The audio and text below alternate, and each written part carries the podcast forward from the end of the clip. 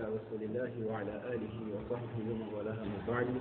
يقول المصنف رحمه الله تعالى الفصل الثاني في الاستنجاء بالماء والاستجمام بالأحجار. وفيه خمس مسائل. المسألة الأولى الأفضل الجمع بين الاستجمام والاستنجاء. ويقدم الاستجمام ثم الاقتصار على الاستنجاء. ثم الاقتصار على الاستنجاء. على على الاستجمام ويجوز مع عدم الماء ووجوده. فقال ابن حبيب لا يجوز إلا مع عدم الماء ولا يجوز الاستجمام من المني ولا من المذي ولا إن تعدت النجاسة المخرجين أو ما قرب منهما. المسألة الثانية صفة الاستنجاء. أن يقبض على يده اليسرى قبل أن يلاقي بها الأذى ثم يغسل القبلة.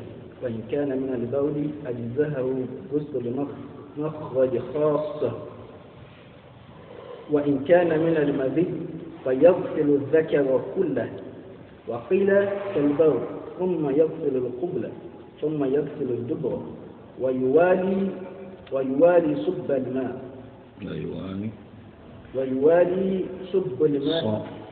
ويوالي صب الماء. ويدلكه باليد باليد اليسرى. ويدلكه ليس ويدلكه ويدلكه ويدلكه باليد اليسرى. ويسترخى. ويس ويسترخي قليلا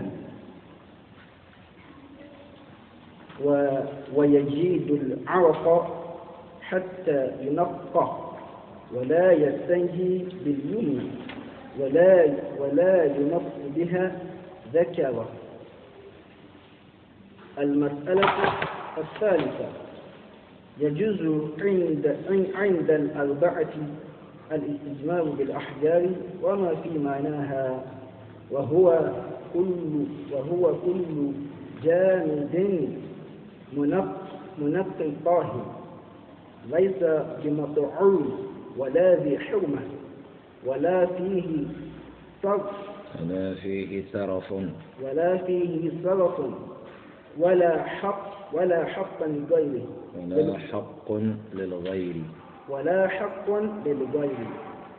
وليس بروث ولا بروث بروث ولا عظم ولا فحم والنهي عن ذلك. للنهي عن ذلك. فإن استجمر بها لا يجوز فإن استجمر بها لا يجوز أجزاه خلافا لابن عبد الحكم فإن استجمر فإن استجمر بها لا يجوز. انظر إلى ما تقرأ. فإن استجمر بما لا يجوز. أيوه. فإن استجمر بما لا, بما لا يجوز أجزهه خلافا لابن عبد الحكم. لابن عبد الحكم. لابن عبد الحكم. وقال الظاهرية لا يجوز بغير الأحجاب. المسألة الرابعة الواجب في الاستجمار الإنقاذ ولو بحجر واحد والمختار ثلاثة. وقيل تجب وإن لم وإن فإن لم ينق بها. زاد إلى عدد وتر المسألة الخامسة. يجب الاستبراء قبل الاستنجاء. وهو وهو وهو وهو استصواب ما في المخرجين من الأذى. وليس له حد بل يرجع إلى عوائد الناس. وقال الشافعي يحلب القلم ثلاث مرات.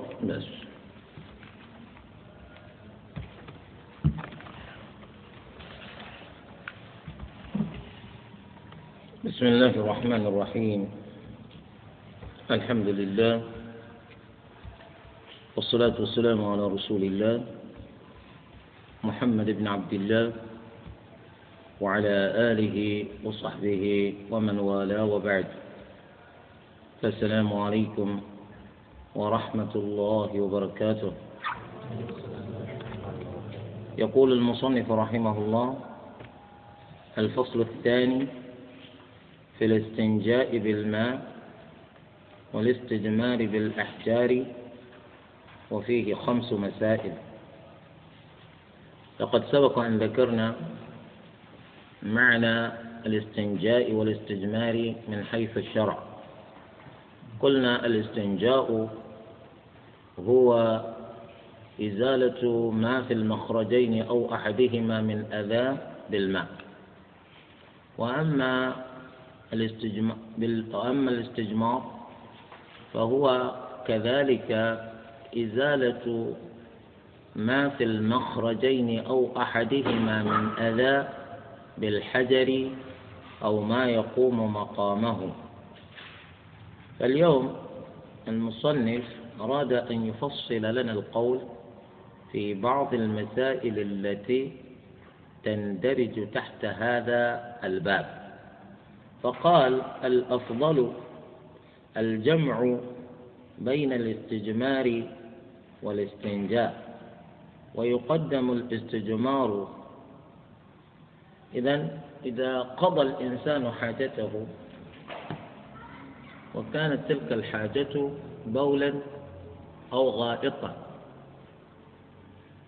آه، الأفضل بالنسبة له هو أن يستجمر ثم يستنجي يستجمر ثم يستنجي أي يزيل ما في المخرج من أذى بحجر أو نحوه أولا ثم يزيله بالماء ثانيا.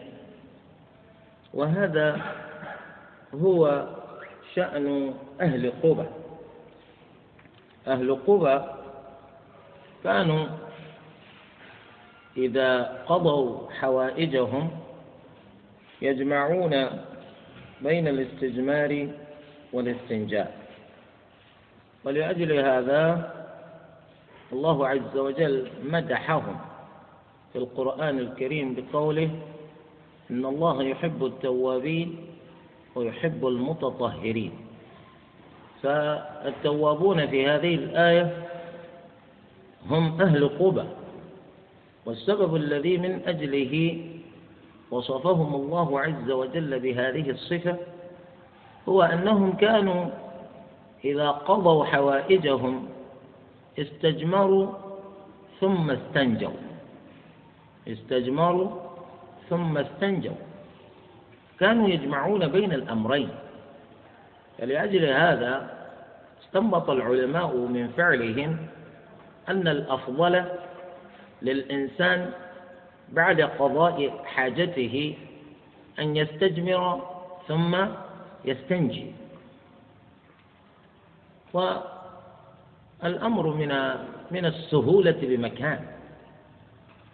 أنت تزيل ما في المخرج بحجر أو ما يقوم مقامه.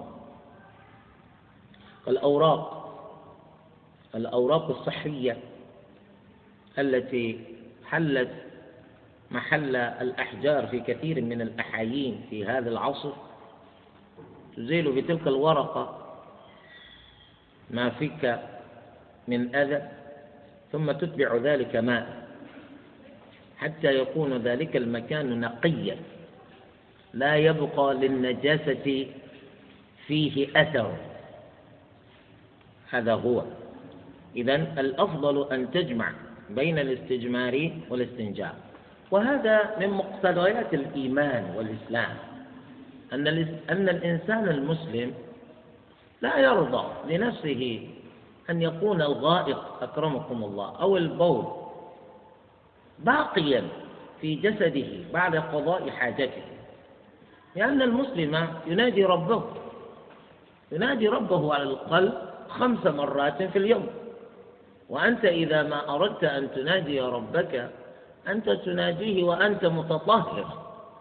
لا تناديه وأنت متلبس بشيء من النجاسة. لا تنادي ربك وأنت ملبس متلبس بشيء من النجاسة. فإذا جمعت بين الاستجمار والاستنجاء اطمأنت نفسك إلى أنك طاهر وألا وجود للنجاسة في جسدك. وإذا أراد الإنسان أن يجمع بين الأمرين فإنه يبدأ بالاستجمار ثم يستنجي. وهذا هو الترتيب المنطقي لهذا. لأنك إذا بدأت بالاستجمار فإنك بالاستجمار تكون قد أزلت ما في جسدك من أذى من حيث من حيث إذهاب ذلك الأذى جسما. الغائط مثلا إذا استجمرت تكون قد أذهبت أكثر ما بقي في المخرج من غائط. إزالة واحدة. ليس كمن يريد أن يستنجي للوهلة الأولى بعد قضاء حاجته فإذا بقي الشيء الشيء الكثير من الغائط في ذلك المخرج وجاء بالماء ليغسله فإنه يضطر إلى أن يزيل ما بقي في ذلك المخرج من أذى بإصبعه. فإذا أزاله بإصبعه تلطخت إصبع إصبعه بتلك النجاسة. واضطر إلى أن يغسل تلك النجاسة ثم إذا أتى بيده إلى ذلك المخرج ليغسله فإنه لا يزال يجد بقية لتلك النجاسة في ذلك الموضع. فهو يصب الماء عليه ويصب الماء ويجيد عراكه وهذا في حد ذاته يلطخ ذلك الموضع أولا قبل أن تتم إزالة تلك النجاسة عن الموضع بالكلية. أما إذا فعلت ذلك بالحجر أو نحوه استجمرت فإنك تكون قد أزلت. ما بقي من الأذى في ذلك الموضع تزيله جسما بشكل كلي. فإذا أزلته جسما بشكل كلي أمكنك بعد ذلك أن تتبعه بالماء. والماء إذا أتى وقد قل ما بقي في المخرج من أذى فإن الماء يعمل عمله فيه فينقي الموضع بحيث لا يبقى للأذى فيه أثر. أما إذا بدأت بالاستنجاء قبل الاستجمار ماذا عساك أن تحقق باستجمارك بعد الاستنجاء؟ ماذا تحقق؟ لا تحقق شيئا إلا أن تلحق بنفسك أذى. إلا أن تلحق بنفسك أذى. لأنك إذا أتيت بالحجر وقد غسلت الموضع بالماء وأزلت كل ما في الموضع من الأذى فأتيت بالحجر فإن الحجر لا يلاقي شيئا يزيله إلا جلدك. فالحجر إذا أمررته على جلدك وليس على ذلك الموضع شيء من النجاسة. فإن الحجر يفعل بجلدك فعله. وفعله هذا خدش في جلدك. فإذا خدش الحجر في جلدك فإنه يؤدي إلى الجرح. يجرحك الحجر. وقد يدمي الموضع. فبالتالي أنت تستعمل الاستجمار قبل الاستنجاء. إذا كنت تريد أن تجمع بين الاستجمار والاستنجاء. ويقدم الاستجمار. هذا هو الأفضل أن تجمع بين الأمرين. ولكنك تبدأ بالاستجمار قبل الاستنجاء. وفي المرتبة الثانية يأتي الاقتصار على الاستنجاء. يأتي الاقتصار على الاستنجاء. أي الذي لا يريد أن يجمع بين الاستجمار والاستنجاء فالأفضل له بعد ذلك أن يكتفي بالاستنجاء أن يكتفي بالاستنجاء لأنه مما لا شك فيه أنهما لا يستويان لا يستوي الاستنجاء والاستجمار.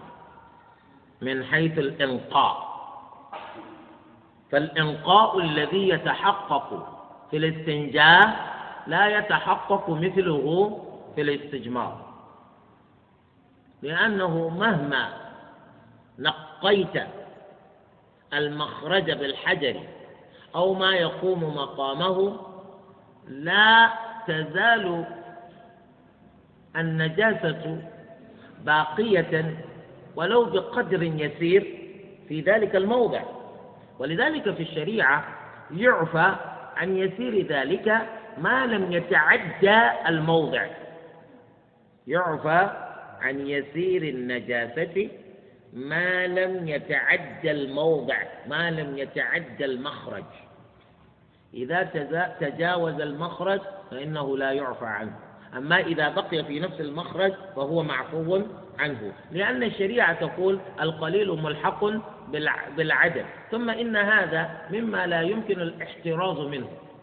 لا يمكن الاحتراز من النجاسة من المخرجين.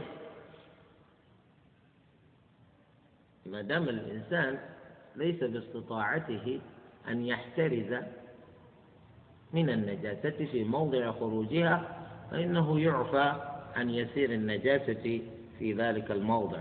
فلذلك لو لم تكن بحيث تستطيع أن تجمع بين الاستجمار والاستنجاء فالأفضل بعد ذلك الاقتصار على الاستنجاء. لم تستطع أن تجمع بين الاستجمار والاستنجاء وإلا لا تجد ماء للاستنجاء فتقتصر على الاستجمار. فالاستجمار وحده يأتي في المرتبة الثالثة في الوقت الذي يأتي الاستنجاء وحده في المرتبة الثانية. وفي القمة في المرتبة الأولى يأتي الجمع بين الاستجمار والاستنجاء. ويجوز مع عدم الماء. هذا فيه إشارة إلى ماذا؟ ويجوز مع عدم الماء. يجوز ماذا؟ الاستجمار. لأن الضمير في اللغة العربية يعود إلى أقرب مذكور. يعود إلى أقرب مذكور. وأقرب مذكور هنا الاستجمار. أي ويجوز الاستجمار مع عدم الماء. هذا هو الأصل. وهل يجوز للإنسان أن يستجمر والماء موجود؟ نعم يجوز كذلك. فالله عز وجل أباح لنا الاستجمار ولم يقيد ذلك بفقد الماء. لم يقيد ذلك بفقد الماء.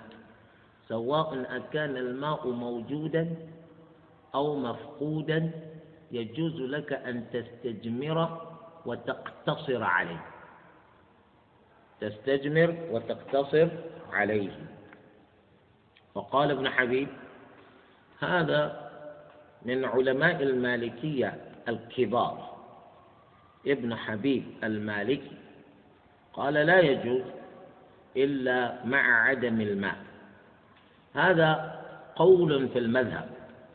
قول في المذهب. وليس الإفتاء عليه. قول لبعض المالكية. لأن ابن حبيب من علماء المالكية.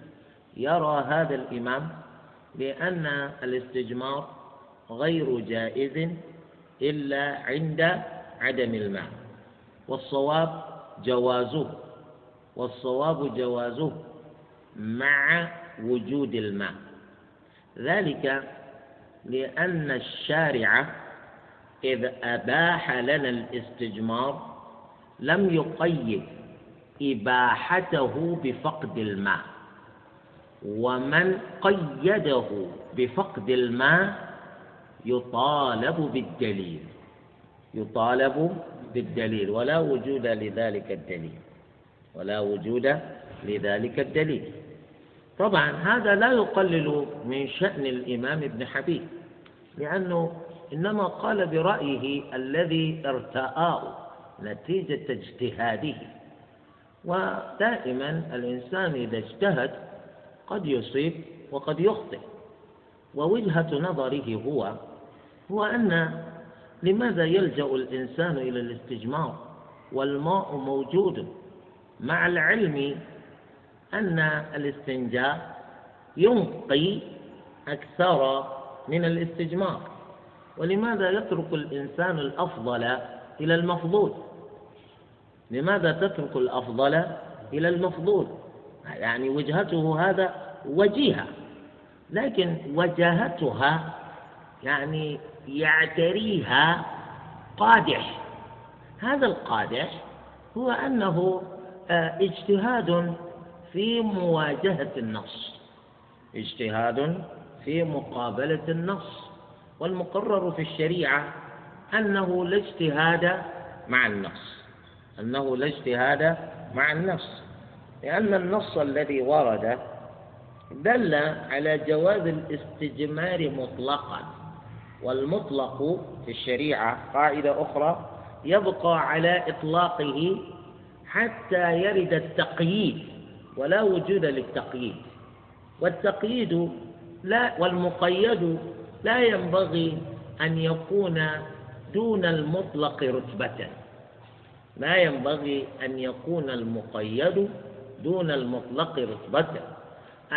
المطلق جاء بنص شرعي حديث. للنبي صلى الله عليه وسلم. ثم يأتينا واحد التقييد برأي من عند نفسه لا الرأي دون النص. فلذلك ينبغي للمقيد أن يكون على درجة المطلق حتى نحمل المطلق على المقيد.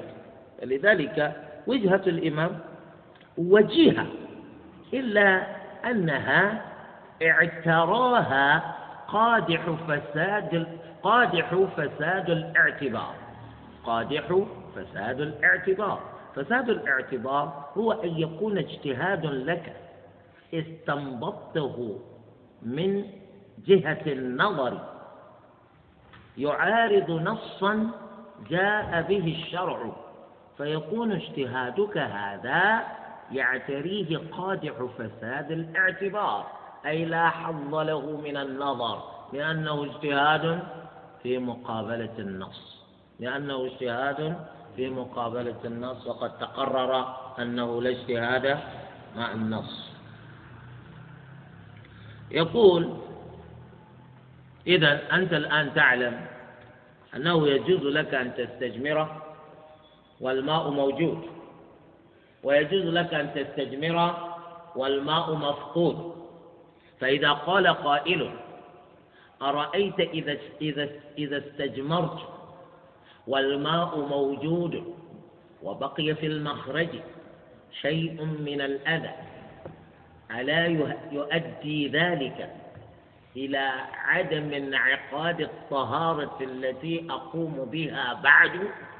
نقول لا لا يؤدي إلى عدم انعقاد الطهارة التي تأتي بها بعد بسبب أن الذي استنجى أيضا قد يبقى في المخرج له شيء. فهمتم؟ لأن الاستنجاء والاستجمار يستويان في أنه معهما قد يبقى شيء. معهما قد يبقى شيء في نفس المخرج. ولذلك يقول الفقهاء إذا كانت النجاسة لم تتعدى ذلك المخرج لذلك يقدرون ذلك المخرج بالدرهم البغلي. بالدرهم البغلي إذا كانت النجاسة لا تتعدى الدرهم البغلي وهو قدر مخرج الغائط في جسم الإنسان فإن النجاسة تلك يعفى عنها. الآن أنت ذهبت فقضيت حاجتك والحاجة هذه هنا غائط. نظفت المكان ورأيت أنه لا بقية لا لا بقية لتلك النجاسة في جسدك. صليت. بعد ذلك أدخلت يدك في مخرج الغائط لسبب من الأسباب. فخرجت أكرمك الله بكم من الغائط تقول سبحان الله يا جماعة من أين جاء هذا؟ أنا استنجيت تماما. لما قضيت حاجتي. كيف هذا؟ تذهب لتستنجي من جديد. هكذا. لأنك إنسان صح؟ يعني تنظف نفسك من جديد. وقد صليت. الصلاة التي صليتها قبل وأنت إمام. صلاتك صحيحة إن شاء الله صلاة الجماعات صحيحة لأنك لم تتعمد إبقاء شيء من النجاسة في ذلك الموضع. لأنك على يقين بعد الاستنجاء أنك لم تبق شيئا. من النجاسة في ذلك المخرج فتكون صلاتك وطهارتك بذلك صحيحتين فهمتم؟ فالحكم للصلاة التي تلي استكشاف وجود شيء من النجاسة في الموضع يختلف عن حكم الصلاة التي قبل ذلك إذا الصلاة الجديدة الآن إذا أردت أن تصليها لابد أن تستنجي من جديد فهمتم؟ فالحكم الآن يكون يتعلق بالصلاة التي تستقبلها دون الصلاة التي قد أديتها. مسألة. هل يجوز الاستجمار من المني ومن المذي؟ فالكلام الذي سبق الآن يتعلق بالاستجمار من كل من البول والغائط. أما الاستجمار ويدخل في ذلك أيضا الاستجمار من الودي فالقول في الودي أو القول في الودي كالقول في البول. فهل القول في البول في الاستجمار كالقول آه فهل القول في المني والمذي من حيث الاستجمار كالقول في البول؟ هذه مسألة. فالمسألة هذه وقبل أن نذهب إلى تلك المسألة طبعا لا خلاف بين الفقهاء في أن المرأة كالرجل في الاستجمار من الغائط. في الاستجمار من الغائط. أي إذا تغوط الرجل أو تغوطت المرأة فإنه يجوز لكل واحد منهما الاستجمار. ذلك لعدم وجود أي خلاف في مخرج الغائط في كل منهما. وإنما المسألة في حكم استجمار المرأة مرأة استجمار المرأة من البول. هل تستجمر المرأة من البول؟ كما تستجمر من الغائط كالرجل. يقول الفقهاء لا. المرأة لا يجزئها الاستجمار من البول. فهمتم؟ يعني الرجل فقط هو الذي يجوز له أن يستجمر من البول لماذا؟ لأن الرجل إذا بال واستجمر فإن استجماره من البول لا يجعل البول يتعدى موضع خروجه جاء الرجل فبال فاستجمر. استجماره هذا لا يؤدي إلى تعدي البول مخرجه لأنه يأخذ بالحجر ويمسح الموضع. وانتهى. قالوا ولو استجمرت المرأة من البول فإن البول يتعدى مخرجه. يتعدى البول مخرجه إلى جهة المقعدة. ماذا نريد؟ ماذا حصل؟ أنتم تفهمون في الشريعة أن الاستجمار هذا إنما ينفع في نفس المخرج. في نفس المخرج. أما البول إذا تعدى المخرج فذهب البول إلى جهة الكمرة من ذكر الرجل أو إلى جهة الحشفة من ذكر الرجل. تعدى المخرج فإن الاستجمار لا ينفع إلا في نفس المخرج. أما المواضع المحيطة بالمخرج الذي تعدى البول إليها فإن الاستجمار لا يطهره أبدا. إنما يطهره الماء. كالغائط تماما. إذا خرج الغائط من الإنسان والغائط هذا حين خرج منه لم يتعدى المخرج بقي في نفس المخرج لم ينتشر. كنار ليل. إذا انتشر غائطك كنار ليل كشرارة نار. أنتم تعرفون يعني إذا تغوط الإنسان أحيانا فإن غائطه ينتشر كشرارة نار. فإذا انتشر غائطك كشرارة نار يا رجل. هذا الانتشار الذي أدى بالغائط أن يلمس مواضع.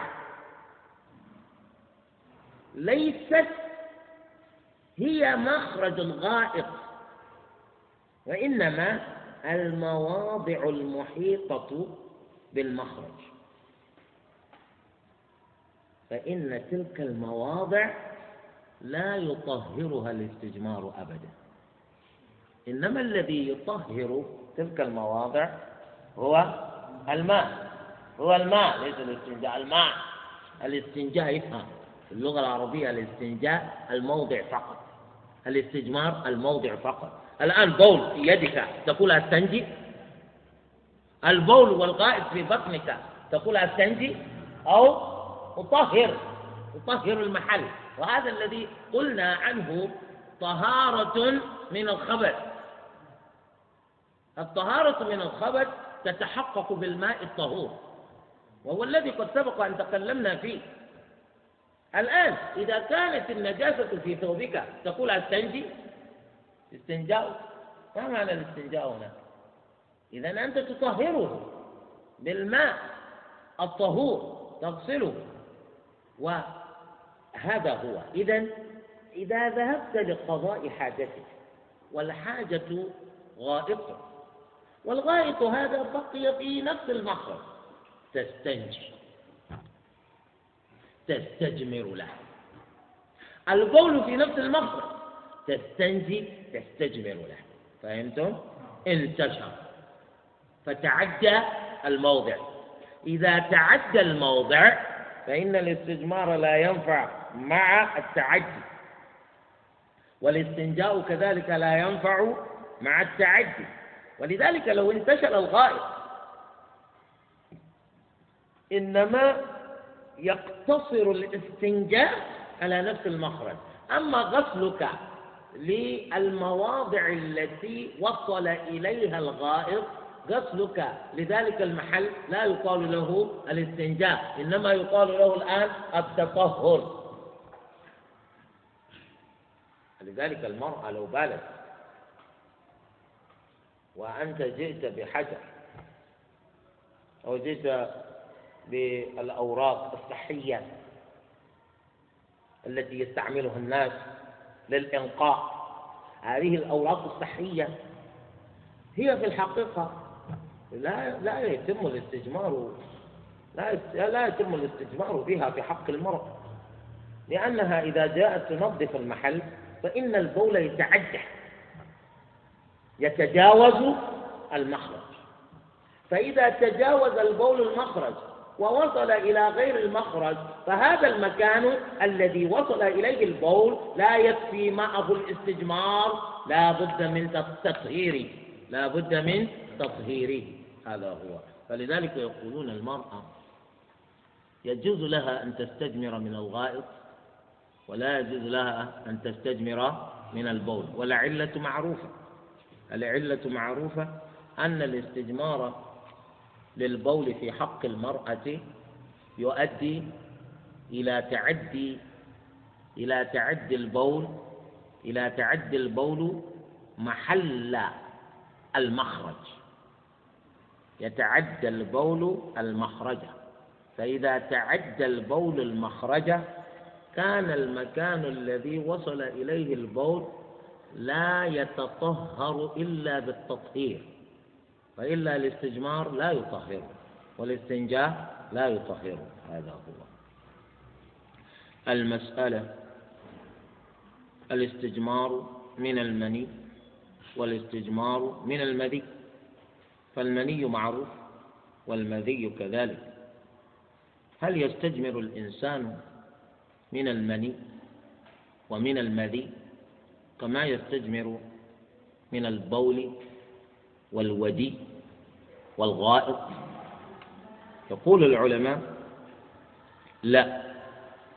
قالوا لا يجوز له الاستجمار من المني ولا من المذي. لا يستجمر من المني ولا من المذي. طبعا السبب في ذلك يعود إلى أن المن إلى أن كلا من المني والمذي فيهما اللزوجة. اللزوجة التي فيهما يؤدي إلى يجعل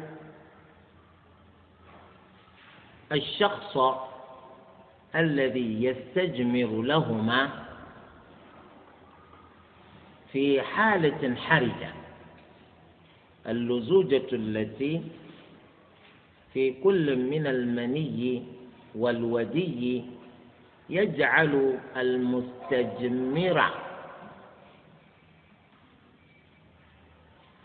لهما في حالة حرجة. ذلك لأنه إذا استجمر للمذي أو المني فإن الاستجمار لهما يؤدي إلى التخيط. التخيط أي يذهب المذي كالخيط. المني يذهب كالخيط لأن المني يكون قد امتزج بالمذي. واللزوجة هذه موجودة في المذي أكثر. فبالتالي إذا استجمرت من المذي أو استجمرت من المني فإنه يتخيط ليذهب إلى أكثر من مكان خروجه فيتعدى المخرج. فإذا تعدى المخرج قد تقرر عندنا أن الاستجمار لا ينفع إلا في نفس المخرج. والمذي الآن تخيط لما أصبته بالحجر تخيط. فيذهب إلى الأمكنة المجاورة لمخرجه. فأنت تضطر إلى أن تبحث عن الماء الذي به تطهر أو تلك المواضع إذا ماذا فعلت؟ ماذا استفدت؟ فلذلك قالوا لا يستنجى من آه لا يستجمر من المني ولا من المذي السبب الثاني قالوا لأن التخيط يؤدي إلى انتشار المني وانتشار المذي وهذا ما لا نريد لا نريد أن ينتشر. نريد أن يبقيا في مخرجهما فنزيلهما. لكنك إذا أردت أن تستجمر لهما فإنهما يتخيطا وينتشرا. يتخيطان وينتشران. فلذلك قالوا لا. السبب الثاني الحديث الذي جاء عن النبي صلى الله عليه وآله وسلم في شأن الاستجمار يعني أحد الأحاديث الذي جاء عن النبي صلى الله عليه وسلم في شأن الاستجمار يقول النبي فيه إذا ذهب أحدكم إلى الغائط إذا ذهب أحدكم إلى الغائط فليذهب معه بثلاثة أحجار. فليذهب معه بثلاثة أحجار يستطيب بهن فإنها تجزئ عنه. رواه الإمام أحمد وأبو داود والنسائي بسند صححه الإمام الدار قطني. قالوا إنما علق النبي صلى الله عليه وآله وسلم جواز الاستجمار جواز الاستجمار في هذا الحديث بالذهاب إلى الغائط بالذهاب إلى الغائط والناس إنما يذهبون إلى الغائط لقضاء حاجتهم التي هي الغائط فهمت؟ الغائط أصلا في اللغة العربية ليس ليس هو البراز. حتى البراز باللغة العربية ليس هو الغائط إنما يقولون البراز هو المكان الواسع من الأرض. يقولون إذا أرادوا قضاء حاجتهم ذهبوا إلى البراز. ذهبوا ذهبوا إلى المكان الواضح. ليقضوا حوائجهم هناك. فما داموا يقصدون ذلك المكان لقضاء حوائجهم فسموا المكان باسم السبب الذي من أجله يقصد. وهو نفس الشيء في الغائط. يقولون مطمئن من الأرض. الأرض الذي إذا إذا تغوط الإنسان فيه فإن برازه يذهب أسفل. هذا هو اسم المكان. فاستعملوا اسم. اسم. اسم المحل للحال اسم المحل للحال إذا يقولون النبي صلى الله عليه وسلم يقول إذا ذهب أحدكم إلى الغائط فليأخذ معه فليذهب معه بثلاثة أحجار يستطيب بها ويقولون الناس لا يقصدون الغائط من أجل المذي ولا يقصدون الغائط من أجل المني. وهذا الدليل حقيقة آه، ما أخذه الذي به تم الاستنباط من هذا الحديث ضعيف. هم يقولون النبي صلى الله عليه وسلم علق الحكم بالغائب وهل نسأله وهل لا يقضي أحد حاجته التي هي البراز إلا في الغائط؟ قد يقضي حاجته في البيت ومع ذلك يستجمل إذا ليس لازما أن يكون الإنسان إنما ذهب إلى الغائط قبل أن يستجمل بدليل أنك تقضي حاجتك في المرحاض داخل بيتك في كنيف داخل بيتك وتستجمل إذا نقول هذا خرج مخرج الغالب وما خرج مخرج الغالب لا مفهوم له. إذا عليه نقول يجوز أن يستجمر من كل من مني ويستجمر من كل من المذي بقي أن نقول لا يستجمر بسبب أن الاستجمار هذا قد يؤدي إلى انتشار المني ويؤدي إلى انتشار المذي يبقى هذا السبب وجيها. لأن التجربة تثبت هذا. التجربة تثبت هذا. ولذلك لا تستنجي من المني ولا تستنجي من المذي. ثم الشرع أتى لأنك لا تكتفي بالاستجمار في المري وإنما تزيد على الاستنجاء. تزيد على الاستنجاء بغسل ذكرك كله منه. فإذا استجمرت لا يمكنك أن تمسح ذكرك كله بحجر. فهمت؟ فلذلك الاستجمار لا يحل محل ما أمرت بفعله في حق المذي. ثانيا أن المني أيضا لا تستجمر له لأنك مطالب في المني إذا خرج منك بالغسل. أنت تغسل جسدك كله من خروج المني. إذا فهمنا هذا نعلم أن الإنسان لا يستجمر من مذي ولا يستجمر من مني. ولا إن تعدت النجاسة المخرجين. وهذا قد سبقت الإشارة إليه. هذه مسألة أخرى أن النجاسة إذا تجاوزت المخرجين تجاوزت النجاسة المخرجين. ذهبت النجاسة إلى أبعد من المخرج. فإن ذلك المحل الآخر الذي هو غير المخرج لا يكفي فيه الاستنجاء. لا بد أن تغسله لا بد أن تغسله. كذلك لا يكفي فيه الاستجمار لا بد أن تغسله بالماء. هذا هو. أو ما قرب منهما. إذا كان المكان قريبا من المخرجين لا بد من غسله بالماء. لا يكفي فيه الاستجمار. المسألة الثانية صفة. صفة الاستنجاء. إذا أراد الإنسان أن يستنجي فقد قضى حاجته. يقولون هذه الصفة هي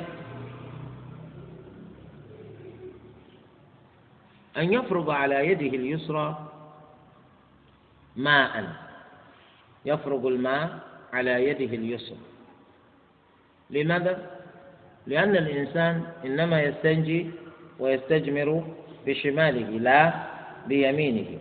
هكذا علمنا النبي صلى الله عليه وآله وسلم إنما إذا كان الإنسان مفقود مفقود اليد اليسرى في ذلك الوقت يستنجي بيمينه ويستجمر بيمينه لأنه إنما يكلف بما يطيق. إنما يكلف بما يطيق. أما إذا كانت يدك اليسرى موجودة وهي غير مشلولة وهي غير مشلولة فإنك تستنجي بيدك اليسرى. تصب الماء على يدك اليسرى قبل أن تلاقي بها الأذى أي قبل أن تذهب بها إلى مكان وجود النجاسة أي قبل أن تمس النجاسة بيدك. إذا ذهبت بيدك إلى الأذى وقد صببت عليها ماء تبدأ بغسل القبل. أي تبدأ بغسل عورتك التي في المقدم. تبدأ بغسل عورتك التي في مقدم جسمك إذا كنت ذكرا تبدأ بغسل ذكرك والمرأة تبدأ بغسل قبلها لماذا؟ لأن آه، إذا أردنا الموازنة بين البول والغائط آه، المقرر أنهما نجاستان غليظتان. وإن كانت نجاسة الغائط آه، أغلظ من نجاسة البول. فأنت تبدأ بتطهير الأخف قبل تطهير الأشد. فتبدأ بالبول قبل الغائط. ثم إذا ثم إن في البدء بالبول تحقيقا لمصلحة أخرى هي أن تكون آه، غير ناقل للغائط إلى ذكرك بيدك إلى قبلك بيدك.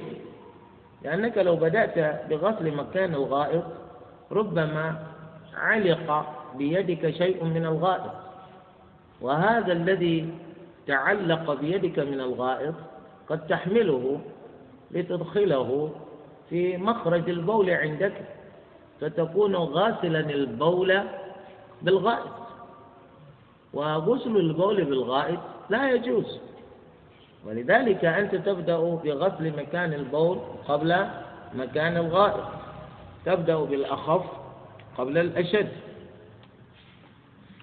فإن كان الاستنجاء الذي أردت إنما هو من أجل البول فقط. أجزأك أن تغسل مخرج البول خاصة. أنت لست مطالب بأن تغسل مخرج الغائط و... وأنت لم تفعل إلا البول فقط. يعني أنت بلت فقط لماذا تغسل مخرج الغائط؟ لست مطالبا. إذا بلت أن تغسل المخرجين إنما تكتفي بمكان خروج النجاسة. اللهم إلا إذا كنت شاكا إلا إذا كنت شاكا في سلامة مخرج الغائط فتتأكد تتأكد من سلامته وإلا تتركه كما هو. وعليه المسلم ليس مطالبا بأن يستنجي من الريح. أنت لا تستنجي من الريح لأن بعضهم يقول لقد أخذت أرسل الريح وأرسل الريح وأرسل الريح فما أرسلته من ريح لا أدري ربما صاحبها شيء من الغائب ما أدري. يعني الاستنجاء من الريح ممنوع شرعا. بل جاء في حديث لكنه ضعيف. قيل إن النبي صلى الله عليه وآله وسلم يقول ليس منا من استنجى من الريح لكنه ضعيف. أخرجه ابن عدي في الكامل في الضعفاء لكنه ضعيف. لكن المقرر شرعا أنه لا يجوز الاستنجاء من الريح. ولو كان ذلك مشروعا كم مرة يستنجي بعض الناس في اليوم الواحد؟ تخرج منه الريح ثم تخرج ثم تخرج ثم تخرج. كل مرة يذهب يستنجي. إذا هذا هو. وإن كان من المذي أي إذا هذا فيما إذا كان الإنسان يستنجي من البول. أراد الاستنجاء من المذي ماذا يفعل؟ يغسل ذكره كله منه هل يكتفي بغسل مخرج المذي فقط هذا قول ثاني للفقهاء. وقيل كالبول أي يكتفي بغسل مخرجه فقط. يكتفي بغسل مخرجه فقط إذا كان حكمه كالبول.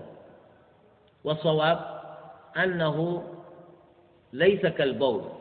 القول الأول هو الراجح أن الذي آه، خرج منه المذي لا يكتفي بغسل المخرج فقط. لما جاء في حديث المقداد ابن الأسود طبعا القول بأنه يغسل ذكره كله من المذي هذا قول انفرد به المالكية. هذا مفرد من مفردات المالكية. خالفوا في ذلك الفقهاء الآخرين. خالفوا بذلك أبا حنيفة والشافعية وأحمد بن وأحمد بن حنبل. أولئك يقولون القول في المذي كالقول في البول. أنت تغسل المخرج فقط. يعني لا تتعدى المخرج. المالكية يقولون لا تغسل منه ذكرك كله. لما جاء في حديث المقداد ابن الأسود أن رجلا سأل النبي صلى الله عليه وآله وسلم عن رجل باشر زوجته فخرج منه المذي ماذا يفعل؟ فقال النبي صلى الله عليه وسلم لينضح فرجه وليتوضأ وضوءه للصلاة. لينضح فرجه وليتوضأ وضوءه للصلاة. رواه أبو داود والنسائي. ووجه الاستدلال من ذلك أن النبي صلى الله عليه وسلم قال لينضح فرجه وفرجه ذكره كله وفرجه ذكره كله. ولذلك يختلفون يقولون هل يدخل في ذلك أنثياء أو لا يدخل؟ لأن الكلام عن فرجه. وذهب أكثر المالكية إلى أنه طبعا يغسل فرجه منه كله. أما الأنثيان فخلاف. غيرهم من الفقهاء يقولون آه، النبي صلى الله عليه وسلم ذكر في الحديث الآخر حيث بعث علي رضي الله عنه من يسأل له لأنه قال أنا رجل مذاء قال النبي صلى الله عليه وسلم يستنجي. ويتوضأ ويصلي. ما قال يغسل ذكره كله. حتى هنا ما قال يغسل ذكره كله إنما استنبطوا منه يغسل فرجه. يغسل فرجه. فقوله يغسل فرجه حقا يعني هو الذي أوجد الإشكال فرجه. هل إذا غسل المخرج فقط يقال غسل فرجه؟ يعني حتى تطمئن قلوب الناس يقولون يغسل فرجه أي ذكره كله. أي ذكره كله. لذلك هذا الحديث إذا صح نقول نعم إذا خرج المذي منك تغسل فرجك منه تغسل ذكرك منه كله. الآن الإنسان هذا خرج منه بول أو خرج منه المذي لقد علمنا ماذا يفعل. هو خرج منه بول وغائط قلنا يبدأ بغسل البول. ثم يغسل الدبر أي يغسل مكان خروج الغائط ويوالي صب الماء يصب الماء ويصب الماء ويصب الماء من غير إسراف. لأنه بصبه للماء يتغلب على ما في جسده من أذى. وبينما هو يصب الماء يدلكه يدلك المكان هذا. يعني يعركه يدلكه يعركه حتى يزيل كل ما في جسده من الأذى. باليد اليسرى طبعا باليد اليسرى طبعا. ولذلك الشريعة تنهاك كل النهي من أن تأكل وتشرب بشمالك. من أن تأكل وتشرب بشمالك لأنك تباشر بشمالك الأذى والقاذورات. لماذا تستعمل تلك الشمال للأكل والشرب؟ يعني تأسيا بالشيطان الذي هو قائدك. لأن الذي يتأسى بالشيطان شيطان قائده أما الذي يتأسى بالرسول صلى الله عليه وسلم فالرسول قائده فلننتبه. يعني تغسل ذلك الموضع بيدك اليسرى ويسترخي قليلا. يعني أنت لا تشد جسمك إنما تسترخي تسترخي قليلا حتى تتمكن من إيصال يدك إلى المكان إلى الأمكنة التي ربما يلتوي يلتوي فيها جلد جسمك حتى تصيبه بيدك. وكذلك الأماكن التي ربما يعني تختفي فيها النجاسات حتى تستطيع أن تزيل تلك النجاسات.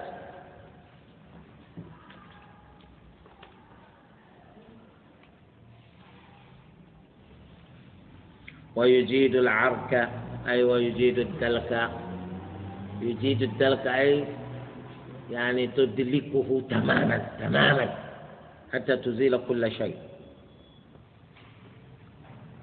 حتى ينقى. أي حتى ينقى الموضع. ولا يستنجي باليمنى. أي نعم. لا يجوز لك الاستنجاء باليمنى. اللهم إلا إذا أصابت يسراك مكروه. إذا أصاب يسراك مكروه.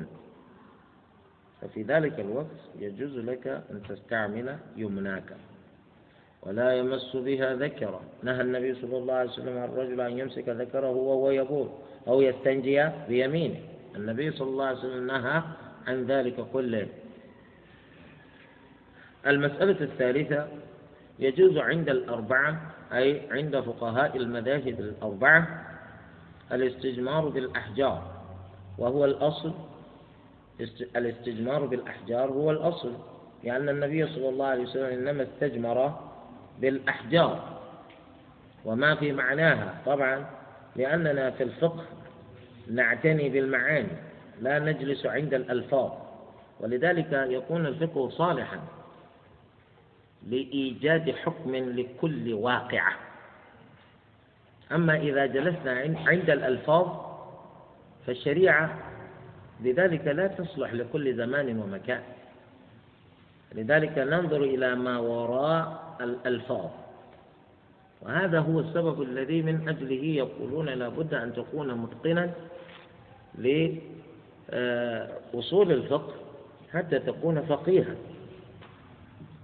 فما في معنى الأحجار. ينظر إلى ما المقصود بالاستنجاء بالحجر؟ المقصود بالاستنجاء بالحجر هو الإنقاء. إذا هل يوجد شيء آخر في هذه الدنيا يمكن الإنقاء به في المخرجين غير الحجر؟ يوجد. ماذا يفعل الحجر بالجسم إذا استجمر به. ولماذا الحجر؟ يقولون الحجر في الحقيقة جامد. ألا يوجد شيء جامد آخر في هذه الدنيا غير الحجر؟ قالوا الحجر ينقي. ألا يوجد شيء آخر ينقي كالحجر؟ يقولون الحجر إنما يستجمر به إذا كان طاهرا. أليس باستطاعتنا أن نجد شيئا آخر طاهرا غير الحجر نستجمر به؟ والحجر غير مطعوم ألا يوجد شيء آخر في هذه الدنيا غير مطعوم مطعوم يمكن الاستجمار به. والحجر غير ذي حرمة. أه ألا نجد شيئا آخر في هذه الدنيا غير ذي حرمة. نستطيع أن نستجمر به.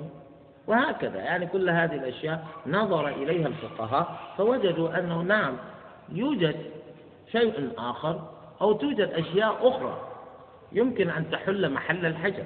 يمكن أن تحل محل الحجر. ولذلك قالوا وما في معناه والذي يكون في معناه هو أن يكون جامدا. أن يكون جامدا لا يكون مائعا. لا يكون مائعا. يعني أنت إذا أتيت بماء ورقة نستنجي بهذا الماء لا. أو تأتي بماء وردة لا نستنجي بهذا الماء. يعني الذي يذهب الآن يأتي بالشاي. نستنجي بالشاي؟ من يأتي بحليب أو لبن نستنجي بهذا. أو يأتي بخل. نستنجي بالخل أو جاء بالعسل. نستنجي بالعسل. لا لا بد أن يكون جامدا. وأن يكون منقيا. أي يملك القدرة على الإنقاء. يمكن لمثله إذا استجمر به أن يتحقق الإنقاء. كذلك أن يكون طاهرا. لا يكون نجسا لأننا إنما نريد به أن نزيل النجاسة. وقوله منقي يعني يشترط في ذلك أن يكون خشنا نوعا ما أن تكون فيه الخشونة نوعا ما. لكن خشونة غير مخدشة لأنها إذا كان لأنه إذا كان خشنا يخدش فمشكله. ولذلك إذا كان ذلك الشيء إذا كان ذلك الشيء ألمس. ألمس. يعني لا يمكن أن يمسك النجاسة ويزيلها.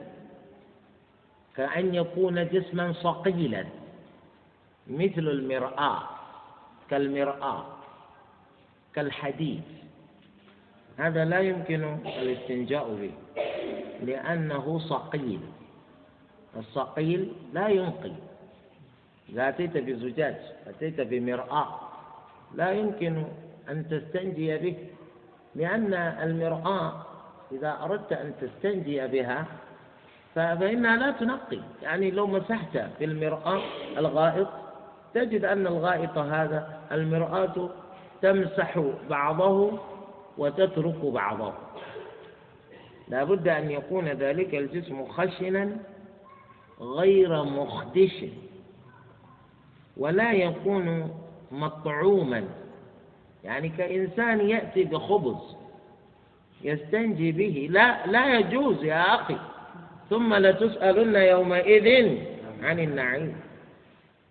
بعض الناس أكرمك الله إذا أكلوا وبقيت في أصابعهم المرقة. يأتي بالخبز الصامولي فيستخرج ما في داخله يمسح به يده. إيه لا إله إلا الله. أما تخشى ربك؟ هذا إسراف. هذا طعام للناس. أنت تمسح به يدك لترميه في الزبالة. أما تخشى ربك؟ أعوذ بالله. انتبهوا يا جماعة. لذلك لا يكون مطعوما لا يكون طعاما ولا ذي حرمة. لا تأتي بورقة من القرآن تستنجي بها. أتريد أن يلعنك الله؟ تريد أن يلعنك الله؟ فلأجل هذا ننتبه لهذا يعني أحد المجرمين في مدينة في شمال نيجيريا رجل كافر في إحدى السنوات الماضية ذهب لقضاء حاجته وذهب بأوراق مزقها من المصحف. فذهب فاستجمر بتلك الأوراق. الرجل هذا يقولون هو من قبيلة إيبو. استجمر بأوراق من المصحف. والمجرم هذا أظهر ذلك للناس يقول لو كان هذا من عند الله لما استطعت أن أستجمر به. وها أنا لم أصب بشيء. فذهب أحد الناس لقطع رأسه. قطعوا رأسه. لا يجوز هذا أيضا. هذا غلو فهمت؟ أنت ذهبت لتقطع رأسه لأنه استجمر بورقة من القرآن. حتى لو كانت الحكومة ستقوم بهذا ليكن على يد الحكومة لا يكون بيدك أنت. لأنك إذ قتلته يأتي قومه فيقتلونك قصاصا. فيتعد فيؤدي الأمر إلى إلى إلى فوضى. إن كانت الشريعة لا تطبق لكن مع ذلك تستطيع بوسيلة من الوسائل أن تلحق أن تلحقوا به أذى عن طريق هذه الحكومة التي لا تحكم شرع الله. إما أن تذهبوا تعقدوه وتقطعوا رأسه مشكلة. إذا لا يكون ذا حرمة كذلك حتى إذا كانت الورقة إنما هي ورقة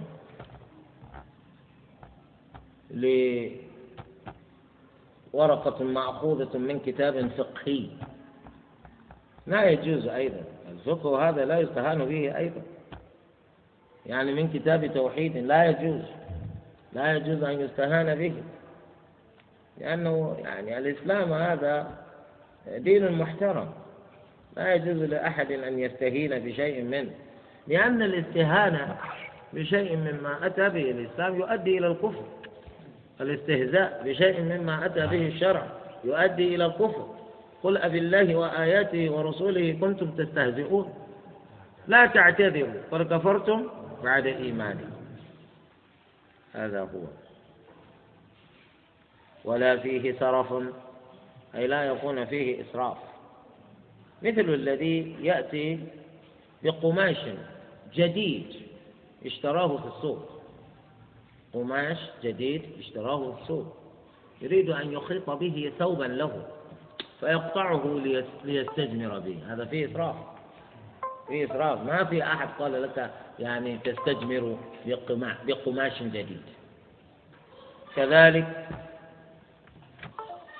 يقول ولا فيه حق للغير ولا فيه حق للغير. يعني كمن سرق كمن سرق شيئا لغيره الأوراق الأوراق الصحية سرقها من غيره فذهب بها إلى الحمام. قضى حاجته فاستجمر بها. لا يجوز. وليس بروث أي هذا أيضا لا يجوز للإنسان أن يستجمر بروث والروث هو آه هو فضلات الحيوانات فضلات الحيوانات ولا عظم كذلك العظم لا يجوز أن تستجمر بذلك لأن النبي صلى الله عليه وسلم يقول آه، أروات دوابنا طعام لدواب الجن والعظم طعام للجن. ولا فحم. الفحم هذا الذي يطهى أو يضرم فيه النار من أجل الطهي. هذا أيضا لا يجوز أن يكون مما تستجمر به لأنك إذا استجمرت به فأخذه الإنسان ليطبخ طعامه. لا تزال رائحة غائتك تملأ كل الأمن تملأ كل الجو. والناس لا يستنشقون أواها طلقا نتيجة غائتك الذي تعلق بالفحم. وعليه يجب علينا أن نلاحظ هذه التعليمات الشرعية حتى آه، لا نكون بذلك قد تجاوزنا الحد الذي وضعه لنا وضعته لنا الشريعة. نحن في هذا اليوم نكتفي بهذا القدر. قبل ذلك ننهي هذه المسألة.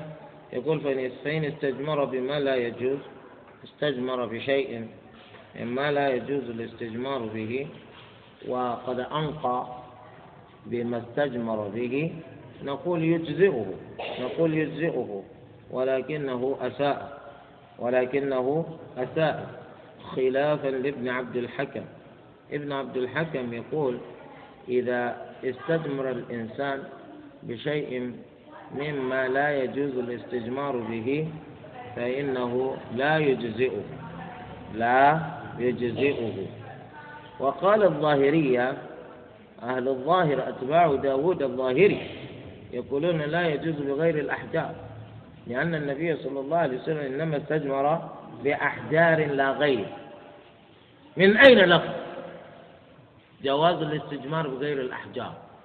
يقول وأنتم أهل قياس والقياس سنة الشيطان. يعني نسأل الله السلام. هكذا يقول الظاهرية. الصواب إن شاء الله أنه يجوز لأن الشريعة العبرة فيها بالمعاني لا بالألفاظ. العبرة في الشريعة بالمعاني لا بالألفاظ. إذا إذا جلسنا عند الألفاظ لا نجد الشريعة تصلح لكل زمان ومكان ولكن النظر إلى ما وراء الألفاظ هذا الذي جعل العلماء في الدرجة التي بها استطاعوا أن يستنبطوا الأحكام الشرعية لكل حادثة حادثة. فتكون الشريعة بذلك صالحة لكل زمان ولكل مكان. وأهل الظاهر أنتم تعلمون أنهم يجلسون عند ظواهر النصوص والأليق بظاهريتهم أن يجلسوا عند الأحجار لأن النبي صلى الله عليه وسلم لم يستجمر إلا بالأحجار. سبحانك اللهم وبحمدك أشهد أن لا إله إلا أنت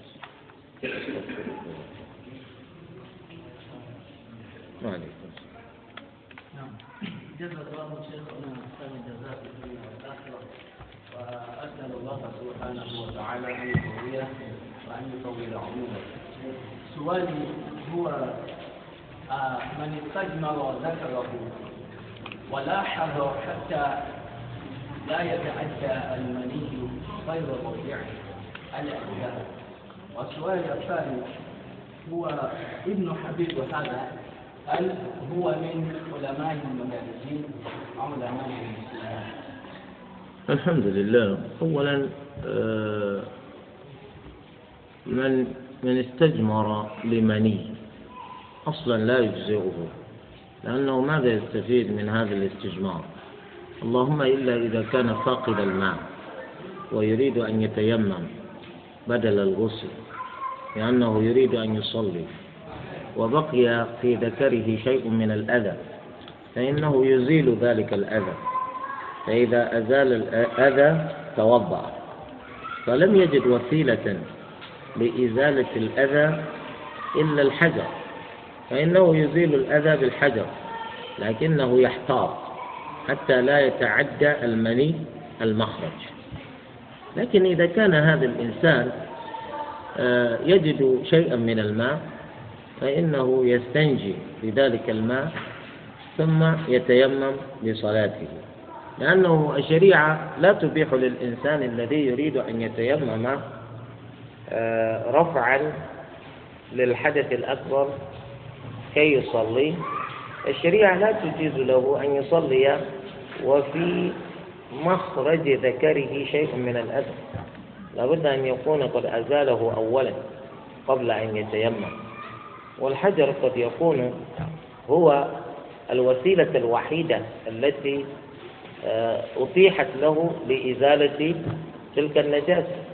إذا كان ذلك كذلك يحتاط حتى لا يتعدى آه، ذلك الأذى المحلة. أما ابن حبيب فهو من علماء المالكية الذين عاشوا في جهة بلاد المغرب. في جهة بلاد المغرب. في جهة بلاد الأندلس. هذا هو. وهو له آراء نيرة. له آراء نيرة. وله فهم ثاقب للفقه. وهو ليس متعصبا. ويتميز جدا على سلك الإمام ابن عبد البر. يعني ابن عبد البر ليس متعصبا. هو عالم كبير جدا. ويمشي مع الدليل في كثير من المسائل. لولا أنه يعني يقال كلهم تفقهوا على مذهب فلان فقالوا هؤلاء أئمة مستقلون. أئمة مستقلون يعني ابن عبد البر ليس هينا. ليس هينا. نعم. هذا.